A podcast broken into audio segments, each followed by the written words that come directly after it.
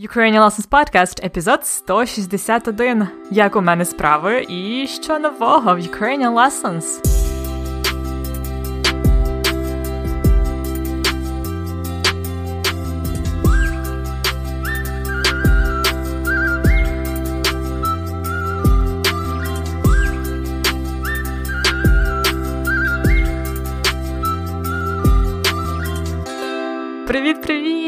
Це Анна Огойко і п'ятий сезон подкасту Уроки української подкасту для всіх, хто вивчає і любить українську мову. П'ятий сезон. Так, дуже приємно знову записувати новий епізод і знати про те, що попереду ще щонайменше 40 епізодів подкасту. Я скучила. Сьогодні буде такий вступний епізод до нового сезону. Я вам трошки розповім про своє літо, про те, що чекає на подкаст чи подкасти, а також про те, які ще нові проєкти ми плануємо в Ukrainian Lessons. А плануємо ми цілу купу всього цікавого. Але спочатку я хочу поділитися з вами голосовим повідомленням, яке я отримала ще на початку літа. На жаль, я не встигла включити його в попередній четвертий сезон, але це повідомлення відкриє новий п'ятий сезон подкасту. Це повідомлення від слухача подкасту з Канади. Рассел писав мені, що сподівається, що буде п'ятий сезон, і що він буде повністю українською мовою. Так, Расселе, завдяки вам та іншим слухачам подкасту, п'ятий сезон буде. Я вже записую перший його епізод. Отже, послухайте голосове повідомлення Рассела з Канади. Усім привіт! Мене звати Расл, я з Канади, я вже майже 5 місяців вивчаю українську мову. На щастя, я вже непогано знаю російську мову, і мені було дуже приємно, коли я дізнався про те, що в української мови є дуже багато слів, які я вже знаю з допомогою російської мови. Коли я почав більш-менш серйозно займатися українською, я був дуже радий, коли я знайшов цей подкаст. Через те, що особисто для мене найкращий спосіб вивчення іноземних мов це просто слухати подкасти і читати їхні транскрипції. Я слухав ваш подкаст майже кожного дня і навіть нещодавно почав писати щоденник українською мовою. Ми з моєю українською дружиною в основному спілкуємося російською та англійською мовами, але іноді для того, щоб попрактикуватися, ми трошки розмовляємо українською.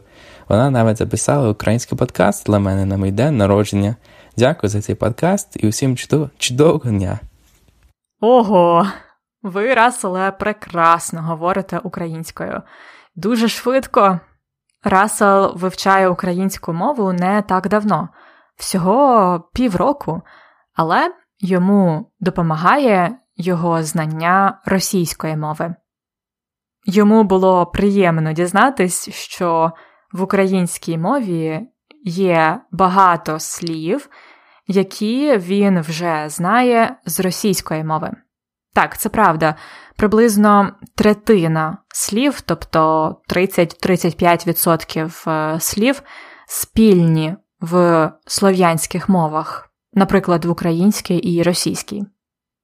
Рассел також поділився своїми секретами успіху, як він так швидко опанував українську мову. Ну, по-перше, він багато слухав наш подкаст і читав транскрипції. По-друге, він почав вести щоденник українською мовою. Це чудова практика. Записувати свої думки, свої ідеї іноземною мовою, яку ви вивчаєте, це дуже корисно. Треба і мені почати це робити, мабуть, шведською мовою. І по-третє, хоча Рассел з дружиною спілкуються російською мовою переважно, але інколи вони переходять на українську. Вона навіть е, записала для Рассела подкаст на день народження. Класно. Наскільки я розумію, дружина Рассела двомовна, так як і багато хто в Україні. Це прекрасна можливість для Рассела вивчати відразу дві мови українську та російську. Бажаю вам у цьому успіхів, Рассела, і привіт вашій дружині! Ох, я була дуже щаслива отримати це повідомлення, бо саме так я можу почути, що моя система працює, і що подкаст допомагає людям. Якщо він допомагає і вам, надішліть мені голосове повідомлення про себе і про свій шлях вивчення української. Мені буде дуже приємно. А зараз розповім вам трошки про те, як минуло моє літо і які в нас є наполеонівські плани на проєкт Ukrainian Lessons.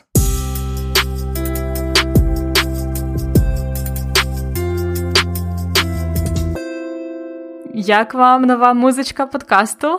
Її записав для нас український музикант-фрілансер Марк.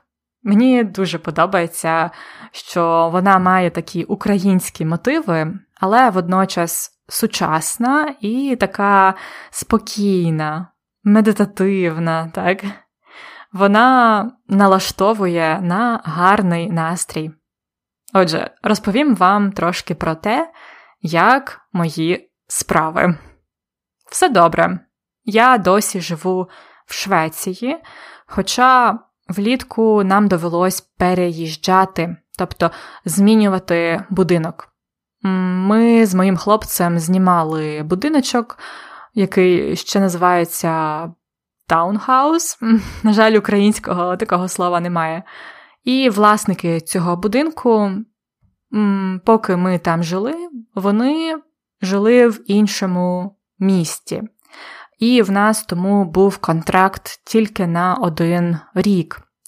Тому на початку червня нам довелось шукати інший будинок і переїжджати. Зараз, на превеликий жаль, я не можу поїхати в Україну, і так само мої батьки і друзі не можуть приїхати до мене в гості. Це досить сумно, бо зараз 2020 рік і триває пандемія коронавірусу. Тому кордони країн Євросоюзу закриті для українців, е, і навіть немає рейсів до Києва. Але я розумію, що зараз у всіх е, через це складна ситуація. І я сподіваюся, що в найближчому майбутньому все налагодиться, стане краще. Загалом, моє життя особливо не змінилося через коронавірус. Я так само працюю вдома онлайн. Я дуже вдячна за те, що я маю таку можливість працювати віддалено. Звичайно, зараз е, не виходить багато подорожувати, але я багато подорожувала раніше і зараз хочу просто довше пожити в одному місці. Зараз це місце це Стокгольм у Швеції. Тут зараз працює мій хлопець. Можливо, варто вам розказати більше про моє життя в Швеції в окремому епізоді. Напишіть мені, якщо вам цікаво. Початок літа був е, дуже насиченим для мого іншого проєкту на всі 200. Якщо ви не знаєте, це мій інший сайт і канал на Ютубі для українських старшокласників. Вони готуються до тесту, який називається ЗНО. Це тест з різних предметів е, і з української мови та літератури також. Це важливий тест, е, який дає змогу вступити в університет. Через коронавірус цей тест ЗНО кілька разів переносили, і тому замість е, початку травня він був в кінці червня. Цього року я багато працювала над цим проєктом, записала багато уроків з української мови та літератури, а також ми розробили цілу онлайн-систему тестів, у якій старшокласники можуть практикуватися вдома. Також е, через переїзд е, і роботу ми все літо були в Стокгольмі, нікуди не їздили, і тільки у вересні е, поїхали подорожувати на машині. Цей епізод я записую якраз перед цією поїздкою, тому більше про подорож я вам, можливо, розкажу пізніше. А зараз поділюся планами щодо Ukrainian Lessons. Це плани на подкасти, так, в множині подкасти, плани на сайт, е, нова книга. Почнімо з Ukrainian Lessons Podcast, тобто подкасту, який ви слухаєте зараз, уроки української. Після четвертого сезону в червні ми проводили опитування про те, чи потрібен п'ятий сезон подкасту, і про що ви хочете слухати нові епізоди.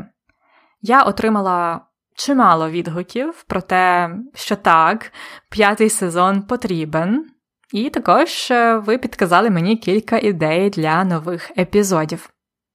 Зокрема, ви сказали, що хочете ще більше дізнаватися про українську історію, культуру і про сучасне життя українців. Також ви хочете чути мою думку про різні питання, мій досвід. А ще дехто з вас написав, що було б чудово слухати розмови з іншими українцями. Ох, я би дуже, дуже хотіла це робити. Це навіть моя мрія подорожувати Україною і брати інтерв'ю в різних людей, а потім зробити з них епізоди подкасту. Але є проблема в тому, що зараз, у 2020 році, ми досі живемо в часи коронавірусу, карантину і подорожувати досить проблематично. Особливо, якщо зважати на те, що зараз я живу за кордоном у Швеції. Тому я вирішила, що буду тільки час від часу запрошувати на подкаст українців і проводити з ними невеличкі інтерв'ю. Ми будемо записувати їх онлайн.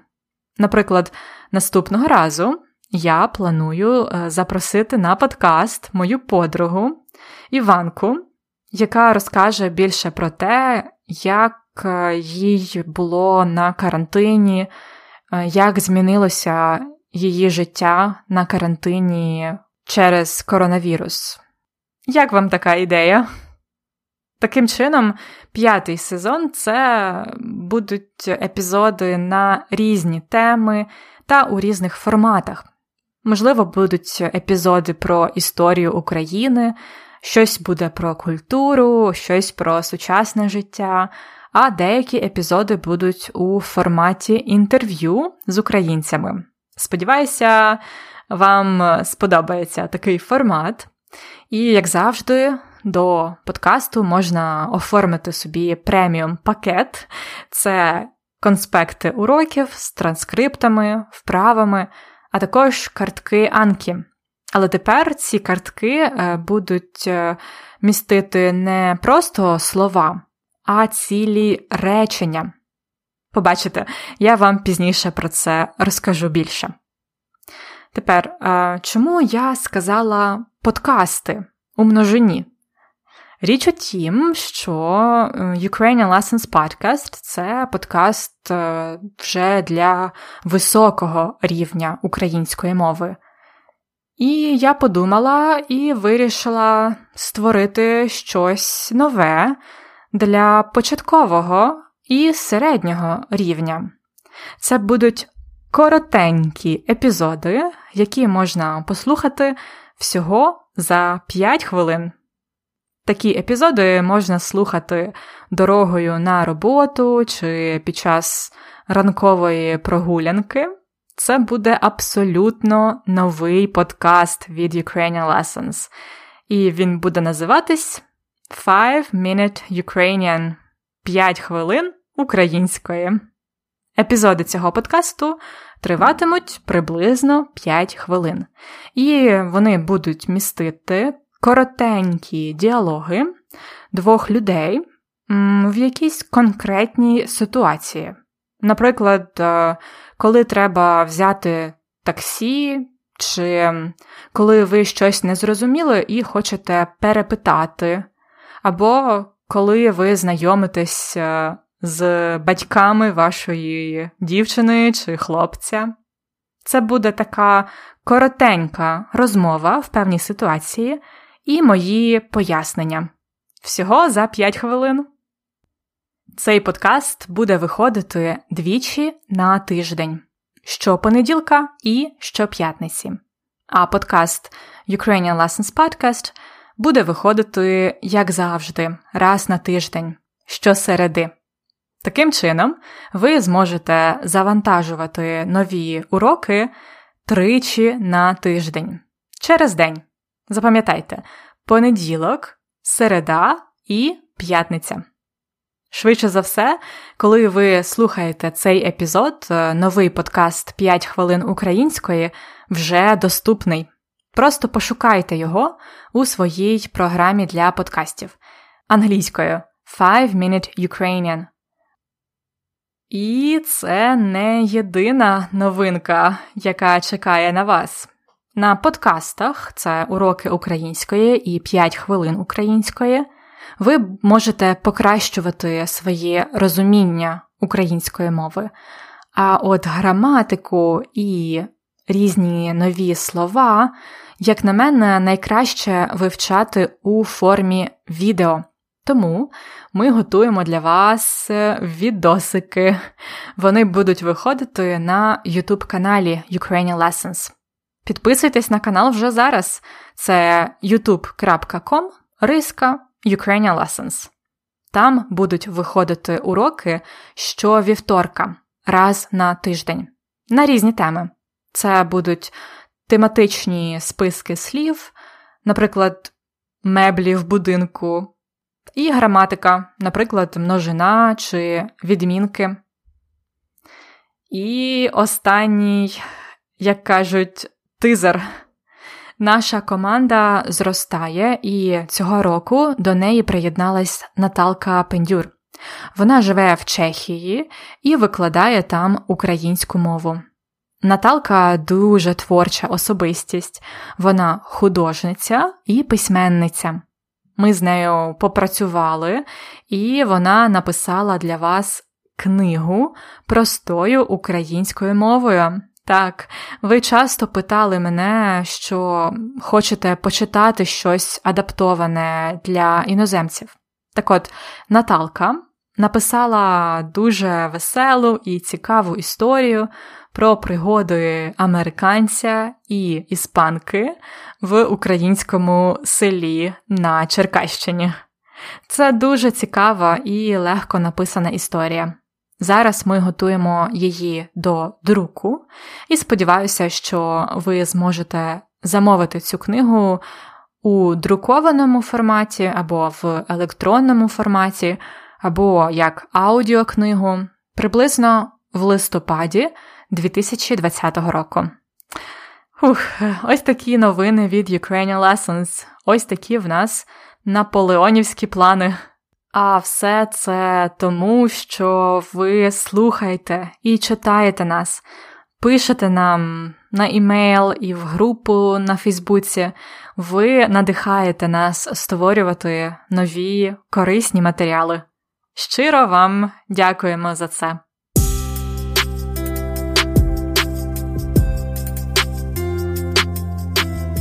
Десять корисних речень. Нова рубрика на подкасті. Звичайно, для нового сезону я придумала новеньку рубрику. Це буде рубрика під назвою Корисні речення. Я буду вибирати з епізоду приблизно 10 цікавих речень і буду їх для вас аналізувати. Також ви можете практикувати вимову цих речень, тому готуйтеся повторювати за мною вголос. Повний список речень з перекладом буде в конспекті уроку, а також у форматі карток Анкі. Таким чином, ви зможете знову повторити всі ці речення через кожні 10 епізодів. І на основі цих речень ми також будемо створювати вправи, які є в конспектах уроків. Отже, готові? Перше речення на сьогодні. А плануємо ми цілу купу всього цікавого. У цьому реченні я використала непрямий порядок слів. Хоча можна було сказати і так, і так. Або А ми плануємо купу всього цікавого, або А плануємо ми купу всього цікавого. В українській мові порядок слів гнучкий, тобто ми можемо часто міняти місцями підмет і присудок, особливо в розмовній мові. А плануємо ми спочатку присудок, потім підмет. Ціла купа всього цікавого. Це означає дуже багато цікавого. Це також розмовна фраза, яку ми часто вживаємо. А тепер повторюйте за мною. А плануємо ми цілу купу всього цікавого. А плануємо ми цілу купу всього цікавого.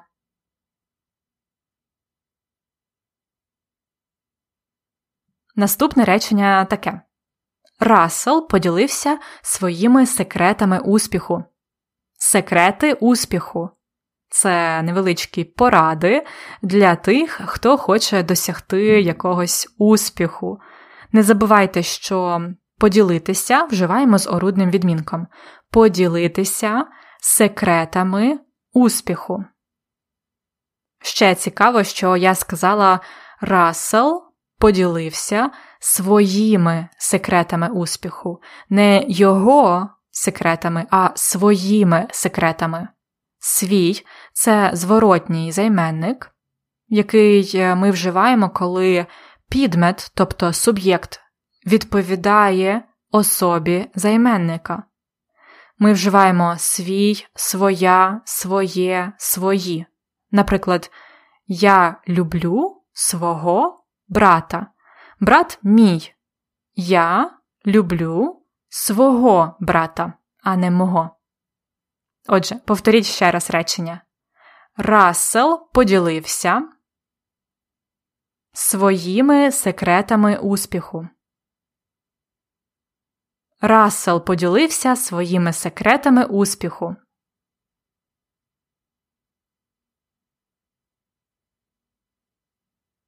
Далі наступне речення.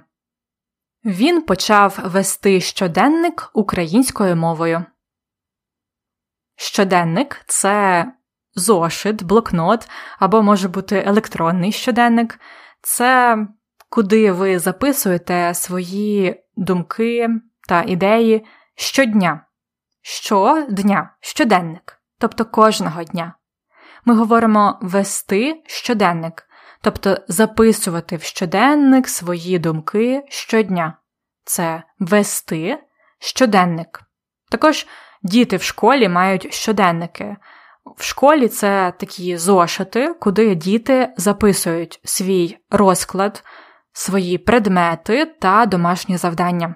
Також вчителі ставлять туди оцінки.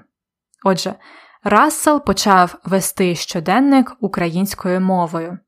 Українською мовою це інструмент, так, мова як інструмент, орудний відмінок. Говорити іспанською мовою, писати українською мовою, вести щоденник шведською мовою і так далі. Повторіть ще раз. Він почав вести щоденник українською мовою. Він почав вести щоденник українською мовою.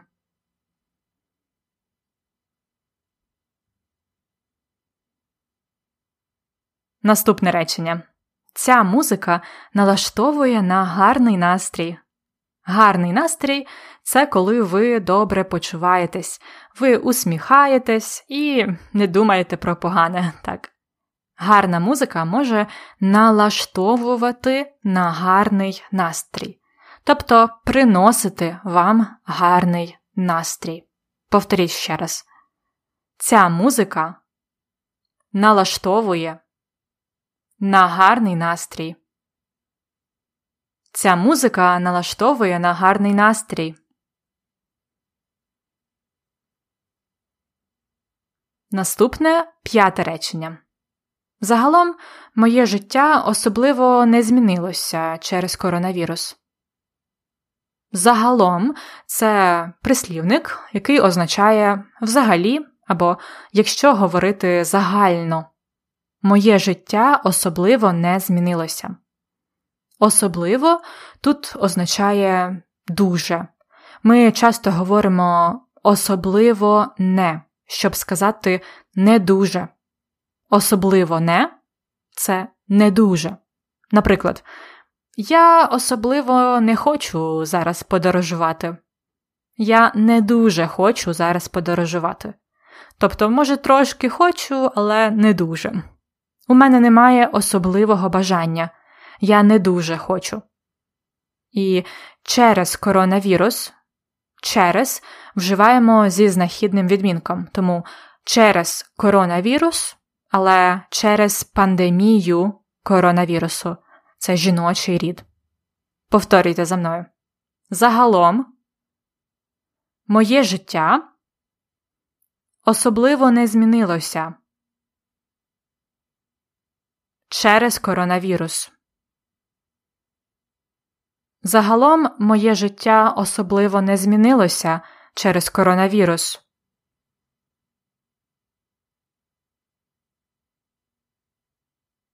Наступне шосте речення. Зараз, у 2020 році, ми досі живемо в часи коронавірусу і карантину, і подорожувати досить проблематично. Довге речення це. Досі це те саме, що ще до цих пір або до цього часу. Досі. Ми досі живемо в часи коронавірусу. В часи чого? Родовий відмінок коронавірусу та карантину. І подорожувати досить проблематично. У цьому реченні підметом або суб'єктом є дієслово, інфінітив дієслова подорожувати. Тобто подорожувати є проблематично. Але ми дуже часто опускаємо є в українській мові і просто кажемо подорожувати проблематично. Тепер повторіть за мною. Зараз, у 2020 році, ми досі живемо в часи коронавірусу і карантину.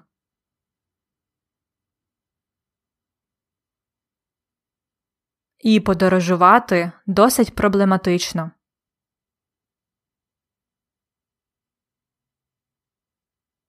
Зараз, у 2020 році, ми досі живемо в часи коронавірусу і карантину.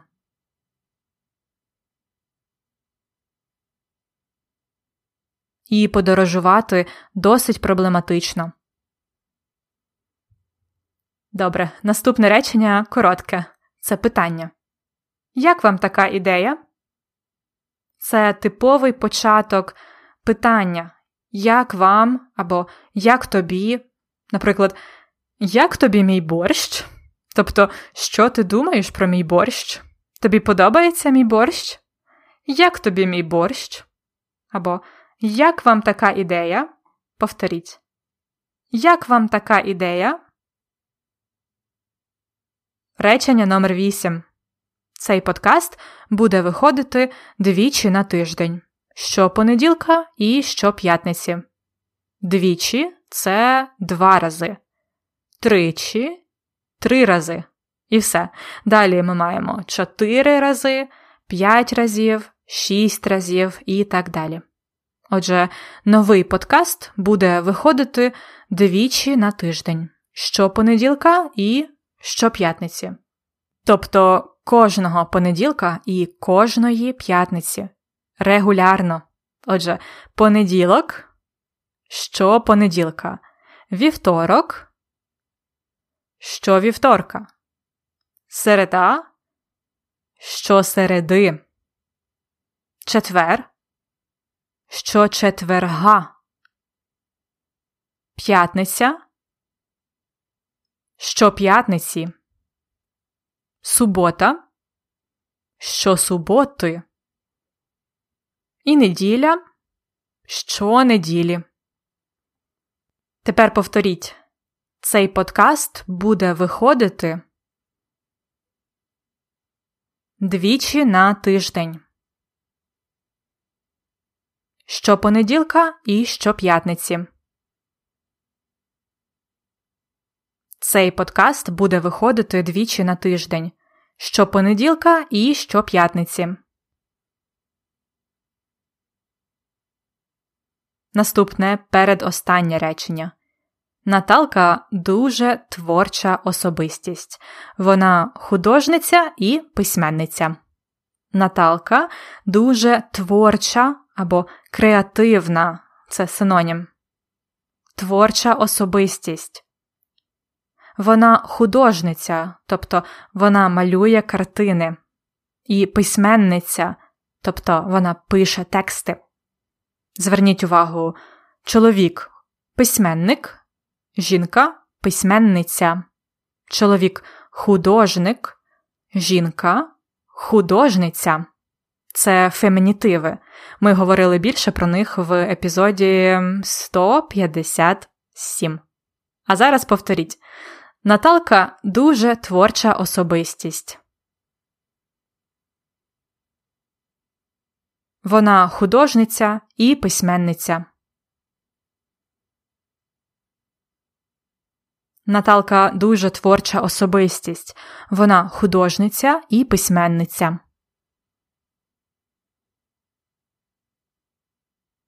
І останнє речення на сьогодні. Ось такі в нас наполеонівські плани.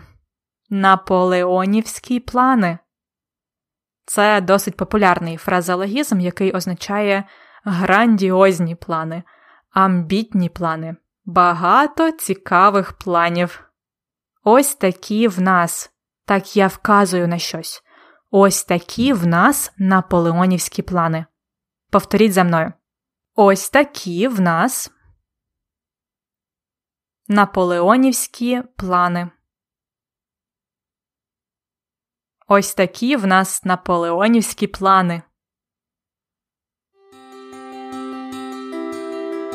Ну, от і все. Це був перший епізод п'ятого сезону подкасту. Що ви про нього думаєте? Напишіть мені листа або в групі на Фейсбуці. Мені буде дуже цікаво дізнатися. Також не пропустіть наступний епізод, на який я запросила свою подругу Іванку на невеличке інтерв'ю. І заходьте на ukrainianlessons.com риска епізод 161, щоб оформити преміум підписку на цей сезон і отримувати ексклюзивні конспекти уроків з повними транскриптами епізодів, списком речень з перекладом і вправами.